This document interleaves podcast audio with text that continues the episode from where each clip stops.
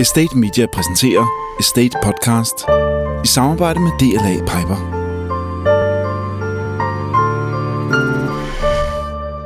Velkommen til Estate Podcast.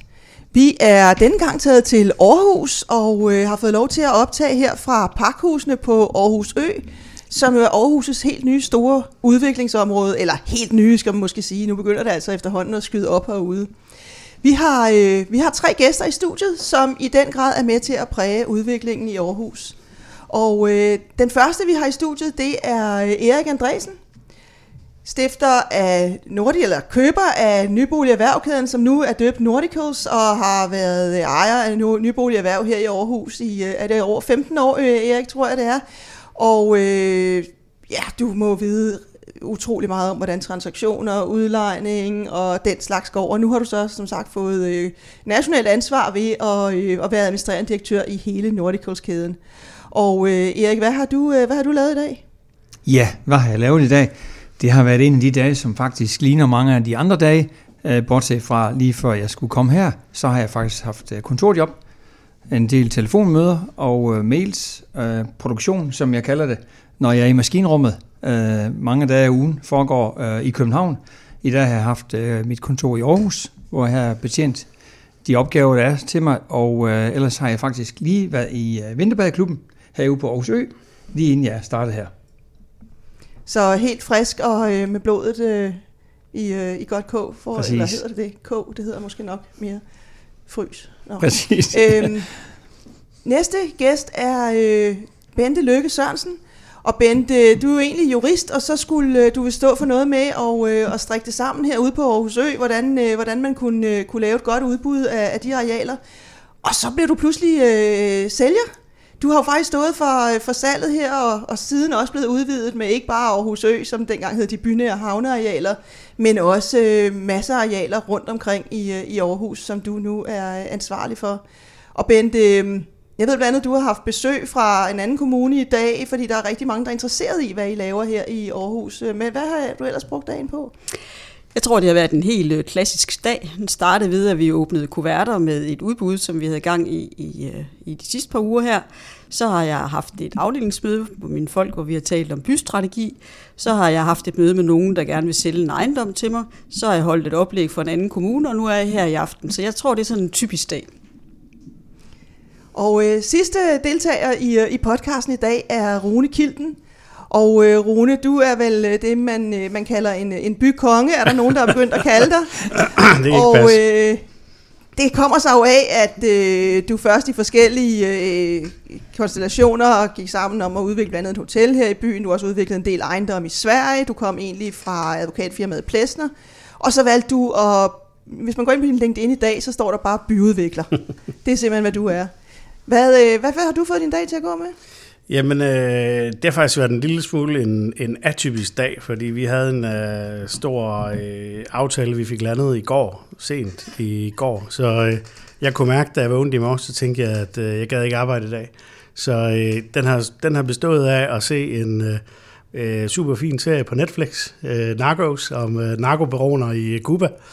Øh, så har jeg læst lidt, øh, gjort en bog færdig om Pilo Asbæk, øh, som har været ret spændende, og så nåede jeg at hænge lidt ud med mine øh, børn. Så, øh, så det har været en rigtig dejlig dag, så jeg er super afslappet. Og kan du sige noget om, hvad det var for en aftale i landet? Nej, du skal også have noget at skrive om her de kommende måneder, så, øh, så det, må blive, øh, det må blive til et andet øh, tidspunkt, Camilla.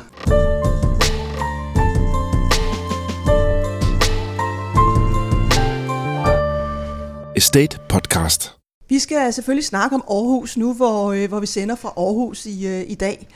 Og øh, Erik, hvis du sådan skulle sige, hvad, hvad der kendetegner markedet i Aarhus i øjeblikket, hvad, hvad er så det vigtigste i, i din optik?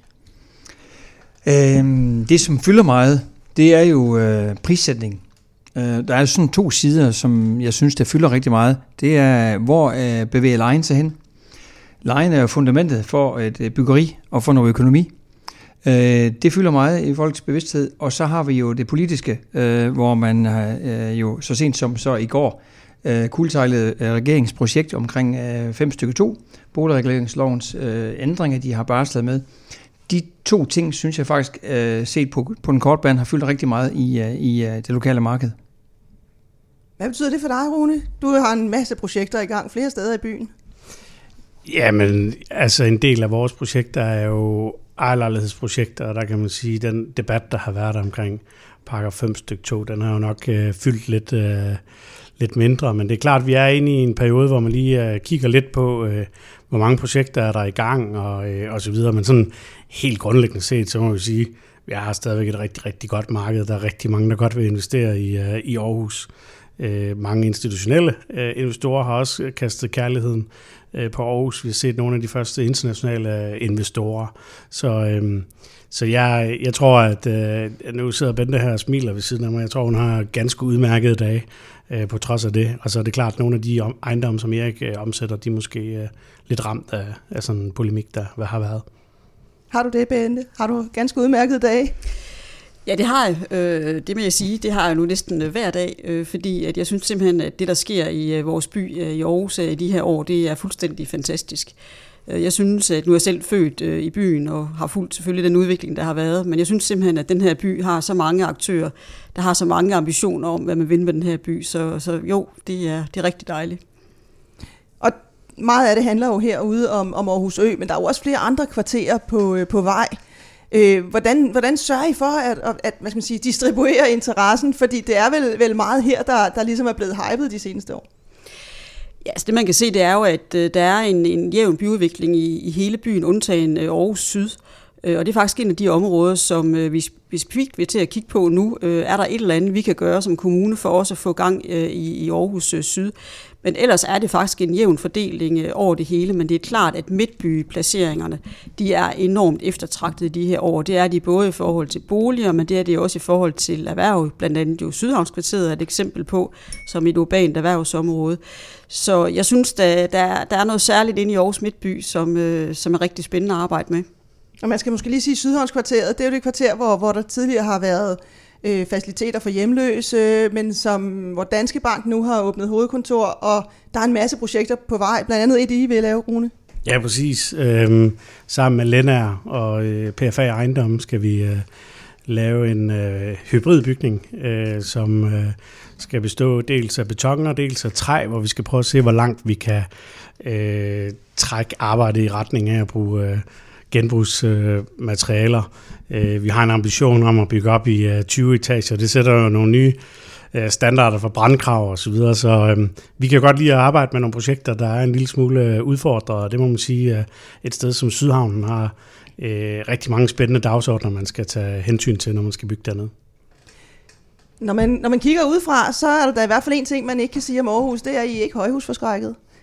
hvis, man, øh, hvis man ser lidt på, øh, på, øh, på Aalborg, som har nogle ganske få, øh, og så København, som øh, gang på gang stemmer højhus ned, både i centrum og, og ude i nye bydele, så er det en helt anden holdning, end man ser her i byen. Hvad er det, der gør, at, at, øh, at Aarhus øh, skyder sådan i vejret? Jeg tror, man skal se sådan på det, at øh, byrådet gennem mange år har haft en, en fortætningsstrategi, og den fortætningsstrategi betyder jo også, at det bliver højere. Det er ikke kun højt, men det betyder også, at det bliver højere. Og derfor har man jo i nogle år arbejdet med en højhuspolitik, hvor man har sagt, at her er der et, et område i byen, hvor man faktisk gerne vil kigge på at bygge høje huse, og det er selvfølgelig øh, et godt stykke væk fra middelalderbyen. Så øh, jo, øh, man vil gerne kigge på de konkrete højhusprojekter, og det der bare sker lige nu, det er, at der kommer rigtig mange. Øh, højhuspolitikken har vi faktisk haft i 10 år, men det er nu, de kommer. Men der skal også noget mod til, Rune, du er i gang med at bygge byens højeste hus. Eller landets højeste hus. Ja, præcis. Øh, ja, altså, det, det er jo sådan med højhus, at de er jo svære at bygge i etapper, kan man sige.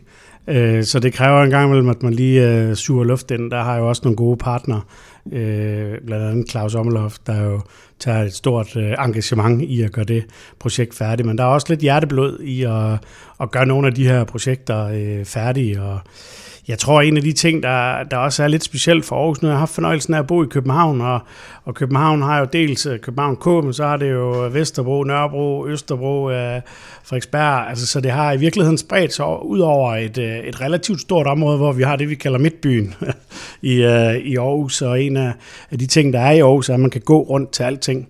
Øhm, og hvis det er en kvalitet, vi vil holde fast i, at, at bykernen er så centreret, som den er, øh, så skal vi få tæt lidt, og der har byrådet truffet nogle beslutninger om, at vi kan få lov at, at gå i højden, og det, det er svært ikke at, at synes, det er en lille smule sjovt, når man får muligheden. Når man som, som, som Danmarks næststørste by endelig kommer til at, at være dem, der står forrest, fordi det gør man jo med med de her højhus, der er på vej nu. Ja, og så tror jeg til gengæld, så er der jo enorm fokus fra kommunens side på, øh, altså et, hvordan lander de i byen? Altså øh, har de, sker der noget spændende? Er der, øh, er, der noget, er der noget byliv, de kaster af sig? Øh, og i nogle tilfælde skal vi også kigge på, hvad sker der på toppen? Øh, sådan et hus som Lighthouse, der øh, laver vi jo restauranter og udsigtsplatform, så, øh, så hele byen ligesom øh, bliver inviteret ind i bygningen, så det ikke bare bliver en trælsbygning, hvor de rige bor, men den faktisk har en relevans øh, for mig selv. Øh, jeg plejer at sige, at der er en lige linje mellem meget moderne øh, byudvikling og Donald Trump, øh, og den skal nok lige forklares, men det handler om, at hvis folk ikke føler, at de ligesom er med i det, der foregår, så kommer der en eller anden reaktion på et tidspunkt. Og en af de ting, vi kan gøre i ejendom, det er, at vi kan have tænkt offentligheden ind øh, i dele af, af bygningen, og så er jeg helt sikker på, at øh, så synes folk, det bliver ret vildt at komme op i 142 meter og se ud over øh, hele, hele landsdelen her jo. Og jeg synes faktisk også, at man skylder os at gøre noget, at, få, at Aarhus får sit øh, fodaftryk, og ikke bare står i skyggen af København, mm. men, men simpelthen sige, at det vil vi, fordi det, det giver mening for os, og så har vi også en forpligtelse i forhold til at tiltrække øh, virksomheder. Og øh, jeg bor selv og har drevet virksomhed på 17 etage i mange år. Den herlighedsværdi, der ligger i og kan kigge ud mm. over by og land og vand, det skal man ikke underkende. Hvis, øh, hvis, hvis, hvis man skal se på, ud på et salgsmæssigt synspunkt, øh, vil du så være, være bekymret i forhold til, øh, til øh, hvad sige, køber og investorer i forhold til den mængde, der nu er på vej?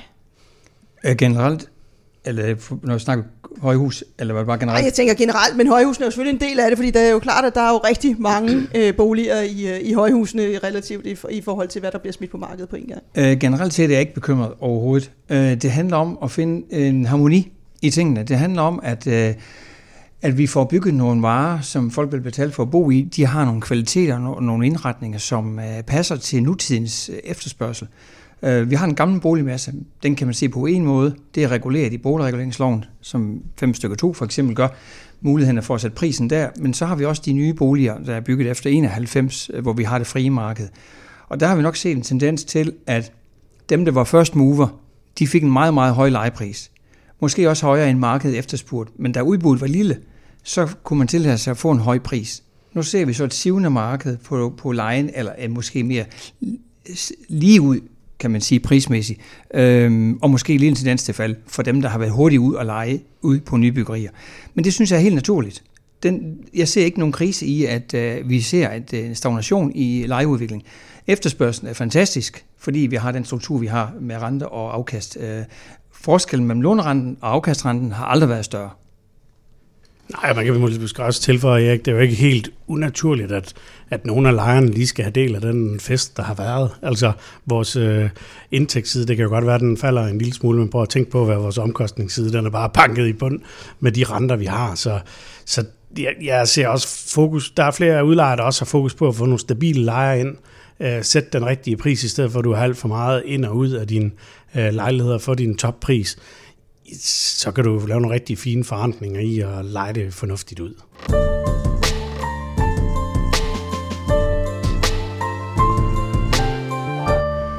Estate Podcast. Vi skal lige snakke lidt om øh, Aarhus Ø, hvor vi sidder her nu og kan kigge ud over bugten. Der er mørkt, men øh, så jeg kan se, at nogle af gæsterne her spejder lidt øh, efter udsigten, men øh, det kan man altså normalt, og har er øh, rigtig flot udsigt med isbjerget, og øh, nu kommer Lighthouse nok også, men, øh, men, men og parkhusene, som vi sidder i. Hvis man sammenligner lidt med, med den her nye bydel, som jo er planlagt helt fra, fra scratch, øh, det er så på samme måde, som man for eksempel ser med, med Nordhavn i, øh, i København. Hvad, hvad er de vigtigste forskelle på de to bydele? I, I kender alle sammen også Nordhavn og, og er øh, erfarne byudviklere by, eller ejendomsengagerede. Hvad, hvad er forskellen på, på, når København og Aarhus gør, øh, gør sådan noget her? Altså det man kan sige, det er jo, at øh, Aarhus Byråd jo som ejer af de her arealer, hvor Aarhus Ø bliver udviklet, har jo lige fra starten af haft en meget, meget klar ambition om, at det her det skal være en meget øh, divers by med, med alle mulige forskellige funktioner, altså erhverv, øh, og boliger og uddannelse og kultur, og så ikke mindst også almene boliger. Og de almene boliger er jo sådan lige i øjeblikket det eneste bypolitiske redskab, vi faktisk har som by for at skabe nogle boliger, øh, som er lidt billigere, end de er på det private marked. Så 25 procent af boligerne herude er jo øh, rent faktisk almene. Og så har vi arbejdet med, at øh, det nytter jo ikke noget, at øh, man har penthouse og almene boliger, og så sidder man op i sin egen bolig. Man skal jo også kan mødes. Så vi har igennem alle årene fokuseret utrolig meget på at skabe nogle mødesteder, om det så er urban gardening, eller det er en havbane, eller nogle af Runes øh, projekter omkring øh, Bassin 7. Men mødestederne er bare utrolig vigtige, også organiseringen af de møder. Er I enige? Gør det en forskel, eller der er jo ikke nogen, der er uenige i, at det, det er det, man ønsker som, som byudvikler? Nej, men jeg, altså, jeg kan måske prøve, jeg, jeg sådan, skal passe lidt på med at kloge mig for meget på, på Nordhavn, for det tror jeg virkelig også, der er mange fine ting at, og, øh, at sige om, om det område. Men en, en ting, jeg faktisk tror, der var lidt en gave til øh, Aarhus Ø, det var, at øh, finanskrisen kom, fordi man nåede at gå lidt i gang og lave noget planlægning, og pludselig så kom finanskrisen. Så vi fik faktisk lige sådan en tænkeperiode. Øh, og så fik vi faktisk nogle af de første projekter i gang herude øh, under finanskrisen. Øh, og så vi sådan gradvist kunne vifte lidt mere med, med, med ørerne herude. Øh, men nogle af de sjove ting, der skete ude på Aarhusø, det var, at vi startede hele øh, byudviklingen med, at vi... Øh, øh, grundejerne herude i samarbejde med, med Bente og Aarhus Kommune bygget en, en strandbar herude, som blev en kæmpe succes med 30.000 mennesker, der har fulgt os på, øh, på Facebook. Og lige pludselig så, så vi den der magi af det midlertidige, hvad det er, det egentlig kan. Og der kan vi sådan fra strandbaren se sådan et bylivsspor øh, rundt i hele bydelen herude. Øh, så, og nogle af de aktører, der faktisk dengang var med i, øh, i, i strandbaren, øh, er blevet forelsket i bydelen og har ligesom besluttet for, at de vil være her, så vi har kunne tænke dem sammen. Du gik igennem en deli, øh, du kunne øh, lugte, der blev serveret pizza og så videre nede i stueetagen af den her erhvervsejendom, vi sidder i. Øh, det er jo Martin Ip, en af de aktører, der var med til at lave strandbaren, der pludselig siger, det kunne jeg godt tænke mig. Øh, og der er et helt spor over til, øh, til, til hele området nede ved Havnebadet nu, og kaffebar, vi har bygget i container og, og hele det der, og det genererer et enormt øh, liv. Så jeg tror faktisk på mange måder, vi har, vi har fået skabt øh, en bydel, som er blevet en destination. Der er rigtig mange, der taler om, at enten så går man i uh, Marcelsborgskovene eller Rigskovene på hver sin side af Aarhus, eller så går man tur ned på Aarhus Ø for at se, uh, hvor langt er de nu kommet med de forskellige uh, Så det er ikke bare et sted, man bor? Det er faktisk blevet en destination, uh, og da vi åbnede havnebadet her for et par år siden, så øhm, altså efter øh, tre uger, så var der jo 100.000 mennesker, der havde, der havde været forbi. Øh, vi har haft VM i sejlads lige her øh, udenfor, og det blev i det hele taget Aarhus blev det sådan lidt et, et eventsted. Så, så det, blev, det blev, blev et område, som byen har sådan taget rigtig, rigtig godt til sig, og synes er en lille smule øh, sjovt. Så er der også nogle gakkede bygninger herude, og øh, altså, vi har jo ladt nogle af champagnepropperne springe lidt af nogle steder, øh, og, og, og det, det, det, der, det skiller jo lidt vandene. Det er der nogen, der kan lide, og nogen, der ikke kan lide. Øh, jeg tror, når det hele står færdigt herude, så bliver det sådan, øh, så, så tror jeg, vi kommer til at synes, det er, det er ret vildt at gå rundt herude og se nogle af de bygningsværker, der har fået fuld skrald altså øh, herude. Men, men bylivet er tænkt ind, kabelbaner og, og hele det liv, det, det, det har været DNA fra starten simpelthen. Det var noget af det aller, aller første, vi lavede, det var en strandbar. Det har simpelthen forplantet sig til meget mere, end man tror. Øh, og hvis jeg må pege på en sidste ting, som, som, som jeg tror, der er, så er Aarhus en bystørrelse, hvor vi har to aviser, der hver dag skal fylde sig op med nyheder, og så har vi en lokal tv-station. Det vil sige, når vi gør noget, så kan vi tale til byen og med byen. Så har du 30.000 på en Facebook-side, ja, har du bare øh, 2.000 eller 1.000, øh, og du kan tale lidt med medierne, så kan du pludselig tale til byen og få dem med øh, ind i projekterne, så det pludselig bliver ikke kun for dem, der arbejder på herude. Og hvordan kobler man den så på? Fordi det, der sker lige nu, er der vel, at der er sådan lidt en, en barriere ind til, øh, til midtbyen. Der er lidt langt stadigvæk, ikke? Så hvordan kobler man, øh, hvordan kobler man de to ting sammen i de kommende år? Altså her i februar måned regner vi jo med, at øh, Aarhus Byråd behandler øh, den næste etape af Aarhus Ø, og det er faktisk den, der kommer til at, at gå ind til Nørreport og det kryds. Så vi får i princippet hele det, vi kalder hængslet, altså hele koblingen mellem øh, Nørreport og den eksisterende by, og så herud til, øh, til Aarhus Ø ude ved Nicoline Hus. Så det bliver næste etape, og det bliver jo typisk der, man vil gå eller cykle, når man skal have ud fremadrettet. Så det er vigtigt, at det bliver et godt sted at, at gå, og måske også med nogle oplevelser undervejs. Så det arbejder vi med simpelthen lige nu. Og hvis vi lige skal oversætte for københavnerne, så Nørreport, det er altså Nørreport. Men det hedder Port i Aarhus. Bare se, det hedder Nørreport i Aarhus, eller hvad?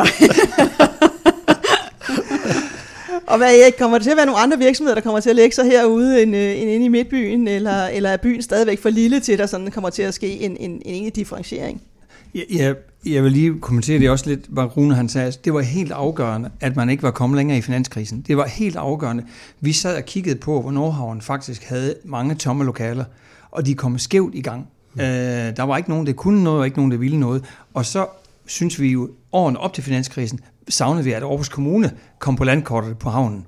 Men det, det fik man så, øh, der kom man så, kan man sige, øh, i held af det, øh, at finanskrisen gjorde, at man så kunne starte på det rigtige grundlag. Det var helt afgørende, set fra min pind, og også fra investorernes side. Og vel svært at planlægge og gøre på samme måde igen. Lige præcis. Og, ja, vi behøver ikke have sådan en finanskrise ind over en gang til. Nej, nej, det, det, Nej, tak, det vil jeg gerne slippe for. det har vi absolut ikke brug for. Men, men det gjorde simpelthen bare, at man fik lige en tænkepause ekstra. Og øh, så synes jeg, at hele, øh, hele det, der har været, der er bygget op fra bunden, stille og roligt, men man har taget den ene arm ind efter den anden, øh, har gjort, at det har fået en naturlig udvikling. Og man har ikke ligesom fra kommunens side bare lagt en masse byggeret ud fra der et, og så kunne man bare byde, og så var det egentlig øh, ejerne der, der fik lov til at styre udviklingen. Det styrede man fra kommunens side, og det synes jeg har været en kæmpe fordel, at det blev styret i en proces, hvor det kunne aftages. Så det har faktisk været en positiv rejse hele vejen igennem. Og strandbaren, ja, der var publikum herude med det samme. Det var fantastisk og få det afsat og få lejere ud, ja, men det har der været nogle steps undervejs, hvor man har tænkt, åh, oh, bliver det til erhverv, bliver det ikke til erhverv, er det kun bolig? Men nu synes jeg, det har fundet en god øh, struktur, og pakkehusene er et godt eksempel på, faktisk, at, øh, at det har vundet indpas. Øh, og nu ser vi jo så det næste store projekt, som Rune er i gang med på Bassin 7, Nicoline Hus, der får vi noget øh, erhverv, øh, nogle butikker, noget dagligvarer. Jamen stille og roligt, så får det sit naturlige leje. Og jeg er jo meget ude i havnebad, fordi der går jeg ud og bader, og ser, hvilket liv der er herude. Mm. Både dag og aften, og ikke mindst i weekenderne. Mm. Det er fantastisk. Jeg tror måske også, man kan pege lidt på, uh, Camilla, vi, vi talte, uh, inden vi gik i gang med det her, lidt om den her lukkethed, nogen de oplever, at der ligesom findes i Aarhus, og vi uh, er en lille kreds, der sidder uh, og investerer for os selv. Men, men jeg tror, en af de ting, man, man over tid kommer til at kunne se ud på Aarhus Ø, det er, at der er mange hjerteinvesteringer i det her ud også. Uh, altså dels jo min partner øh, Claus øh, Hommelhoff kan man jo lokke til mange sjove ting. Øh, Michael Mortensen, jeg har bygget øh, Aarhuset med, når, øh, når jeg siger til Michael, at jeg synes, vi skal bygge et teater, så er han jo øh, med på den. Øh, det kunne vi sikkert godt have undgået, men, men, men det vil vi gerne, fordi vi vil godt være med til at sætte det. Øh, Martin Busk, der laver Nicoline Hus, har en masse ambitioner for byen og for deres egen bygning. Jeg kunne også pege på Olav de Linde, der nu laver chip. Øh, så der begynder at poppe butikker, restauranter, et liv herude, hvor vi nok ikke strengt sidder og kigger på øh, det sidste komma på kalkylen, men mere siger, hmm, vi har fået lov at bygge en bygning her, øh, og det kunne vi godt tænke os at være stolt af, øh, så nu laver jeg noget, jeg kan gå ned og også være en lille smule stolt af. Det tror jeg, man kommer til at kunne se øh, ude på Aarhus lige stille. Nu nævnte du selv det her, øh, Rune, med, at, at for nogen kan det godt være lidt svært at komme ind på det oceanske marked, og det kan føles lidt svært. Fordi, ja, det er fantastisk. Fordi man, man har nogle få, der, der bygger meget, og, og man kender hinanden. Øh, og der er nogen, der siger, at markedet er måske ikke det mest transparente i, øh, i Danmark. Øh, jeg har også hørt det samme sagt om, om Aalborg. Hvor, hvor øh, er, har det noget på sig, eller tænker I, det kan da slet ikke være rigtigt? Jamen altså, øh, jeg, jeg, jeg kan sige, jeg, jeg husker faktisk den, øh, den tidligere borgmester Nikolaj Vammen engang udtalte sig øh, om det, han kaldte den positive Korsby-effekt. Og der er jeg lige flyttet tilbage til Aarhus faktisk, efter at have boet i København og Stockholm og tænkt den positive Korsby-effekt. Men, men det er faktisk i talsat i Aarhus, at det, at vi kender hinanden, altså der er simpelthen nogle netværk. og Aarhus, den går og siger, at den er øh, verdens mindste øh, storby. Øh, når jeg har øh, nogen, der vil høre på det, så går jeg og siger, at vi er verdens, mindste land, eller verdens største landsby øh, i virkeligheden, fordi vi har nogle netværk. Og, og, og det behøver vi ikke at tale ned, eller at det er for dårligt, men det gør simpelthen, at der er en infrastruktur i byen, at hvis der er nogen, der har en idé, hvis ikke jeg kan hjælpe dem, så kan jeg sende dem i retning af nogen, der kan hjælpe dem, og pludselig så kan du få sat fokus på den idé, du har, så kommer der nogen, der godt vil hjælpe dig med, med projektet. Så jeg tror, en af de ting, der er svære, når du sejler ind med færgen og kommer og skal overbevise øh, byen om, at nu skal du lave en investering, og når du så er færdig, så kører du ned og sætter dig på færgen og kører tilbage til København. Der er simpelthen så meget hjerteblod i den her. Altså, hvis AGF de vinder øh, to kampe, så tror vi, vi skal i Champions League. Altså, det, det, vi er en by, der elsker vores egen by, og det vil sige, hvis du skal trænge igennem her, så er du altså op imod nogen, der kommer og øh, virkelig vil øh, gå langt for at få opgaven. Og der møder vi en gang med en pensionskasse, der sidder og siger, den kan vi jo ikke regne hjem. Nej, det er vi sgu nok enige i, men vi gør det alligevel, øh, fordi vi, øh, fordi vi øh, har lyst. Hvad siger du, Erik? Jamen, øh, jeg kan kun øh, gentage det samme, som Rune har sagt. Det, det, det, der handler om, det er faktisk, at, at vi står så meget sammen, faktisk, øh, i, i tygt og tyndt, og, og det er på mange fronter. Ejendomsmarkedet er et, der er mange andre sammenhænge, hvor du kan se, at Aarhus har en sammenhængskraft, fordi det er skabt på det grundlag, det nu er skabt, og det er faktisk en form for vores DNA i byen, det er, at øh, selv de værste øh, spordomme eller krise, vi måtte komme ind i, dem kæmper vi ud øh, af, fordi der er altid en ny, der dukker op for at sige, så tager jeg ansvar. Så der er ikke nogen, der bare trækker sig, når der sker noget. Så det, det er super godt. Jeg vil sige, at udlandske investorer er kommet til Aarhus, øh, og de synes, det er fantastisk at være en del af byen. Men ja, øh, vi kæmper ikke imod, men vi kæmper sammen med dem om at, at, at, at skabe en by. Og så kan vi måske også, altså mere lukket af den fest jo ikke. Altså jeg har selv lige øh, lavet projekter sammen med, øh, med PFA, og jo også i gang med at bygge blandt andet det kompleks her i pakhusene, vi sidder i, sammen med PFA. Og det var jeg da en lille smule spændt på. Jeg kan huske, at jeg ringede over med en ny lejer, en, en barbershop, vi skal lave hernede i stueetagen. Så jeg ringede over til uh, Michael og Michael over i PFA og sagde, den her, den, den, den er jeg sådan 80% sikker på, at det bliver en succes. Jeg er sådan 20% lidt usikker på, øh, og så, så, øh, så kiggede de på mig og, og sagde, at alt ikke som det skal være så.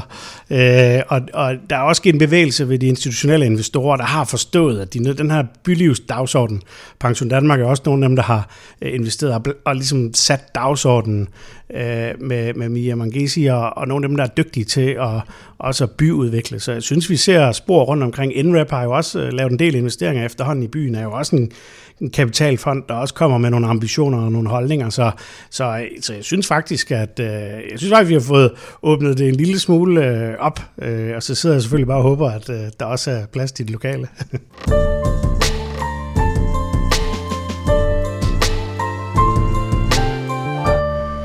Estate Podcast.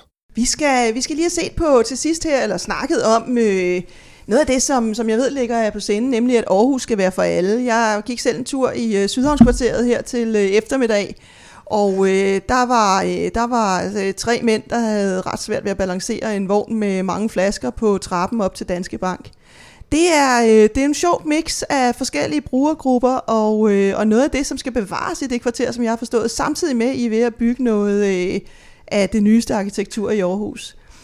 Hvad er det, der, øh, hvad er det, der, der sker i Aarhus? Altså, hvordan er det, I arbejder med det her, der, øh, der, gør, det, øh, der gør det muligt? Altså man kan sige, at byrådet har haft en klar vision om, at øh, også Sydhavnskvarteret skulle kunne rumme, at øh, traditionelt har været øh, en del øh, socialt udsatte i området, fordi at deres institutioner har været der. Øh, jeg skal ærligt indrømme, at øh, da den vision stod klar, og jeg skulle til at lave byudvikling i et område, hvor det var meget, meget tydeligt i talesæt, at visionen var, at de socialt udsatte også skulle være der fremadrettet. Når vi lavede byudvikling, så tænkte man, at godt, det kunne godt blive lidt svært det vi er blevet hjulpet af, det har vist sig, at vi har ikke arbejdet imod markedet. Det har vist sig, at ude i markedet der er der rigtig mange virksomheder, som faktisk synes, at det at arbejde ind i et område, hvor man har mulighed for at gøre en forskel, og hvor man også i forhold til sine medarbejdere kan sige, at vi gør faktisk en forskel for socialt udsatte. Altså, det har betydet rigtig meget for den udvikling dernede. Så i stedet for at tro, at det måske var en svær markedsmæssig øh, dagsorden, så må jeg egentlig sige, at vi har fået sådan rigtig meget hjælp af, af CSR-politik og, og så videre. Så, så det, det ser ud til faktisk godt at kan lykkes. Det håber jeg i hvert fald. Rune, det er en af de ting, der ligger dig meget på sinde, og også noget af det, du sagde inden udsættelsen her, det synes du altså lige, vi skulle, vi skulle mm. vinde, fordi mm. det betyder noget for dig. Mm. Hvor, hvorfor?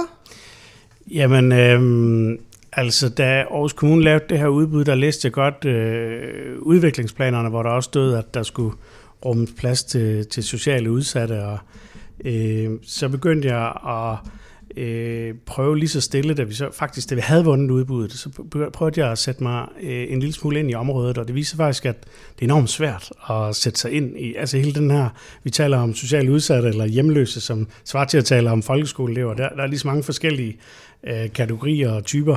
Øh, så jeg prøvede lige så stille at, at sætte mig ind i det, og så må jeg sige, det, det er sjældent, at mit hjerte sådan bliver ramt af, af en problemstilling, som det er gjort øh, på, på den her.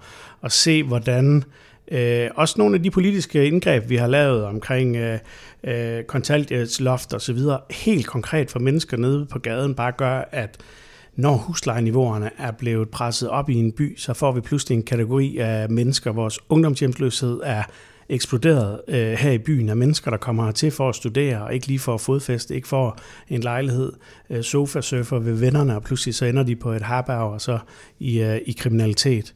Øh, og der, der kan jeg ikke lade være at tænke på, at øh, vores branche har jo fået enorm politisk bevågenhed. Altså for det er ikke få år siden, så var det jo en nichebranche, man ikke talte om. Nu er byudviklingen jo super øh, moderne dels at tale om, øh, ikke mindst bæredygtighed, men, men i virkeligheden hele det her sociale område øh, kunne være interessant at sige, hvad kan vi bruge byudvikling til i de her kontekster. Altså jeg plejer at sige, at byudvikling er jo en eller anden vild tiger, kan man komme op og ride på ryggen af den. Øh, vi har for 5-6 år siden gjort meget i at løfte sådan kulturelle dagsordner. Jeg har været med til at bygge teater og øh, investere i street art og så videre. Men jeg tror, at tiden den er kommet til, at branchen begynder at tage et, øh, et socialt ansvar. Det er vel ikke så længe siden, at hvis du, du skulle lege, udleje et, et erhvervslokale, så var det ikke oplagt, at, at en virksomhed gerne ville ligge lige blandt socialt udsatte. Men, men som jeg forstår på Danske Bank, så er de jo faktisk rigtig glade for det, fordi det, det giver nogle andre øh, muligheder og, og, og også et socialt ansvar selvfølgelig. Det, det er slet ingen tvivl om, at det Rune er inde på der, og som det tema, vi har op her, det er, frem, det er noget af fremtiden. Vi må jo sige, det er nok måske også er en bagside af noget, der er overset, fordi mm. det samfundsudvikling, vi er i, jamen der er noget, som ikke stemmer overens med, med hele bredden. Det vil sige, den, den socialt udsatte gruppe, den bliver større. Vi taber nogen i svinget, når det går så stærkt, som vi har set de sidste, efter finanskrisen, altså de sidste 10 år for eksempel. Og, og derfor vil vi se en gruppe af mennesker, øh, som med det system, vi har, øh, ikke kan klare sig selv. Og der må vi tage det ansvar. Som nogle gange jeg kommer til at sige, de rige må komme til at give noget til de fattige. Og det kan regulere man ikke kun over skatten. Vi, vi er også nødt til at kigge på det mere holistisk og sige, jamen der skal flyttes nogle værdier. Og øh, det tror jeg bliver det, vi kommer til at kigge på. Øh, og det almindelige er jo noget, som øh, politikere har øje på. Og den nuværende regering har også meget øje på, at det måske skal være endnu øh, større fokus på de almindelige byggerier. Og det man kunne sige, det er, at i den sammenhæng har vi jo vendt os til, at 25% op til 25% skal være almennyttigt i alle nybyggerier. Så stille og roligt går vi jo ind den vej rundt øh, sammen med private investorer og fonder og pensionsselskaber og tager et ansvar, øh, fordi de kommer til at bo dør om dør. Så et, et, en idé kunne jo være, at man lod de almennyttige have et større ansvar i forhold til de sociale udsatte.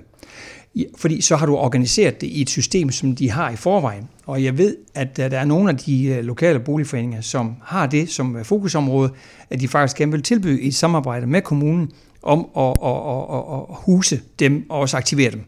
Men jeg kunne måske godt øh, øh, udfordre den en lille smule, fordi det er rigtigt, at det de almene, og kommunen har jo anvisningsret til, til 10 procent af de almene boliger. En udfordring kan så være, at det det er ikke de helt øh, billige boliger, eller der er ikke nok af de helt billige boliger, som de her mennesker kan, kan, kan betale. Men det, jeg synes, der var interessant, det var, hvis vi kunne få det private marked også til at engagere sig i den her dagsorden, så det ikke er noget, vi, vi ligesom øh, placerer derover. Og øh, jeg, jeg oplever i hvert fald enorm bevægelse i fondene. Altså, øh, Øh, jeg har lige været øh, to dage i øh, Helsinki sammen med Hjem til alle alliancen og, og, og vi er klar for at prøve at se, hvad har de gjort op i Helsinki. Og en af de ting, de har gjort, det er, at de arbejder ud for den strategi, der hedder Housing First. Og simpelthen sige, at Øh, en bolig er ikke noget, du skal gøre dig fortjent til. Det er simpelthen en del af den situation, du er blevet sat i, det er, at du ikke har en permanent bolig. Så det, at du hopper rundt, og så bor du lidt på et herberg og så videre, det ser vi nu som en del. Så vi sørger for, at du kan komme ind i en lejlighed, og derfra kan vi behandle dig for de ting.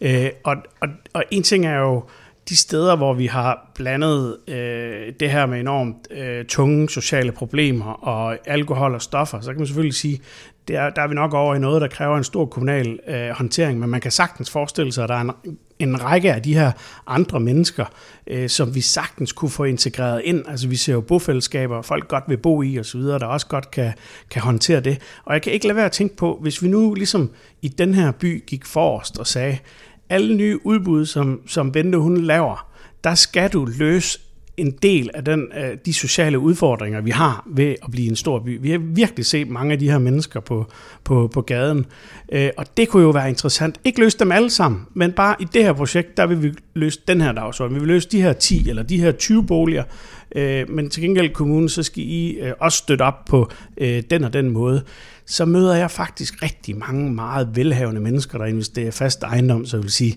herreste Gud, skal jeg få lidt mindre i husleje, og så kan jeg øh, ligesom sidde og kigge ind i noget, hvor jeg sidder og tænker, her er jeg også med, det er tænkt ind i bygningen, det er måske ikke op i penthousen, øh, det er måske nogle steder i bygningen, hvor der godt kan være lidt mere øh, larm og lidt mere gang i den, eller det er blandt ind sammen med en masse andre unge mennesker, hvor vi måske også har i tale sat det her og sagt, nu skal du være noget for nogle andre end dig selv, hvis du bor i den her bygning det tror jeg, vi kommer til at se rigtig, rigtig meget af. Og jeg kan se pensionskasser, der begynder at interessere sig for området.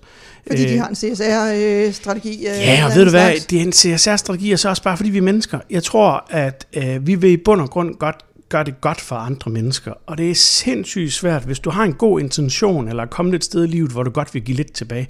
Det er sindssygt svært at vide, hvor skal jeg gå hen med det.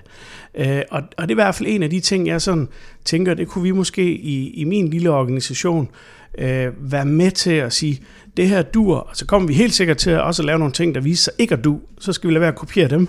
Øh, men de her ting, dem kan vi godt. Øh, vi har lige lavet et, et lille team nede fra værstedet, der kommer ud og øh, hjælper vores entreprenører med at holde rent rundt om vores øh, byggepladser og samler skrald rundt ved, ved naboen. Så kommer de ud på Aarhus får lidt frisk luft, øh, kommer herud, kan få en kop kaffe og har noget at stå op til. Og det der, hvis vi kan få det til at brede sig, bum, rundt, så lover jeg dig første gang, jeg vinder et udbud, hvor det er ligesom en dagsorden, så kommer hele min branche og siger, vi er nødt til at finde på noget med socialt udsatte, ellers så øh, vinder vi ikke. Så har vi taget kapitalismen i hånden, og i løbet af en 6-7 år, så kan vi helt udrydde øh, hjemløsheden i Aarhus. Skal I være mere modige i jeres øh, udbud, Bente? Altså nu har vi jo i hvert fald vist mod i Sydhavnskvarteret, men det jeg synes, der er så, så spændende også ved det, som, som Rune siger her, øh, og også Erik, det er jo det der med, jamen vi er jo faktisk i en situation, hvor at øh, virksomhederne byder ind i forhold til også at skabe småjobs øh, til socialt udsatte, og den værdighed, der ligger i, at man har en gensidig relation med sine naboer osv., betyder utrolig meget. Så jeg tænker, der er nogle ting omkring både det at skaffe fysik, men lige så meget omkring det at organisere. Hvordan kan det egentlig blive nemt som social udsat at spille ind i, i en bydel? Utrolig spændende syn, som øh, der vi strækker langt ud over Aarhus. Men øh, jeg vil i hvert fald sige tusind tak, fordi I øh, deltog til Rune Kilden, Bente Lykke Sørensen og Erik Andresen, og tusind tak, fordi I lyttede med til denne udgave af Estate Podcast fra Parkhusene i Aarhus. Estate Podcast blev præsenteret i samarbejde med DLA Piper.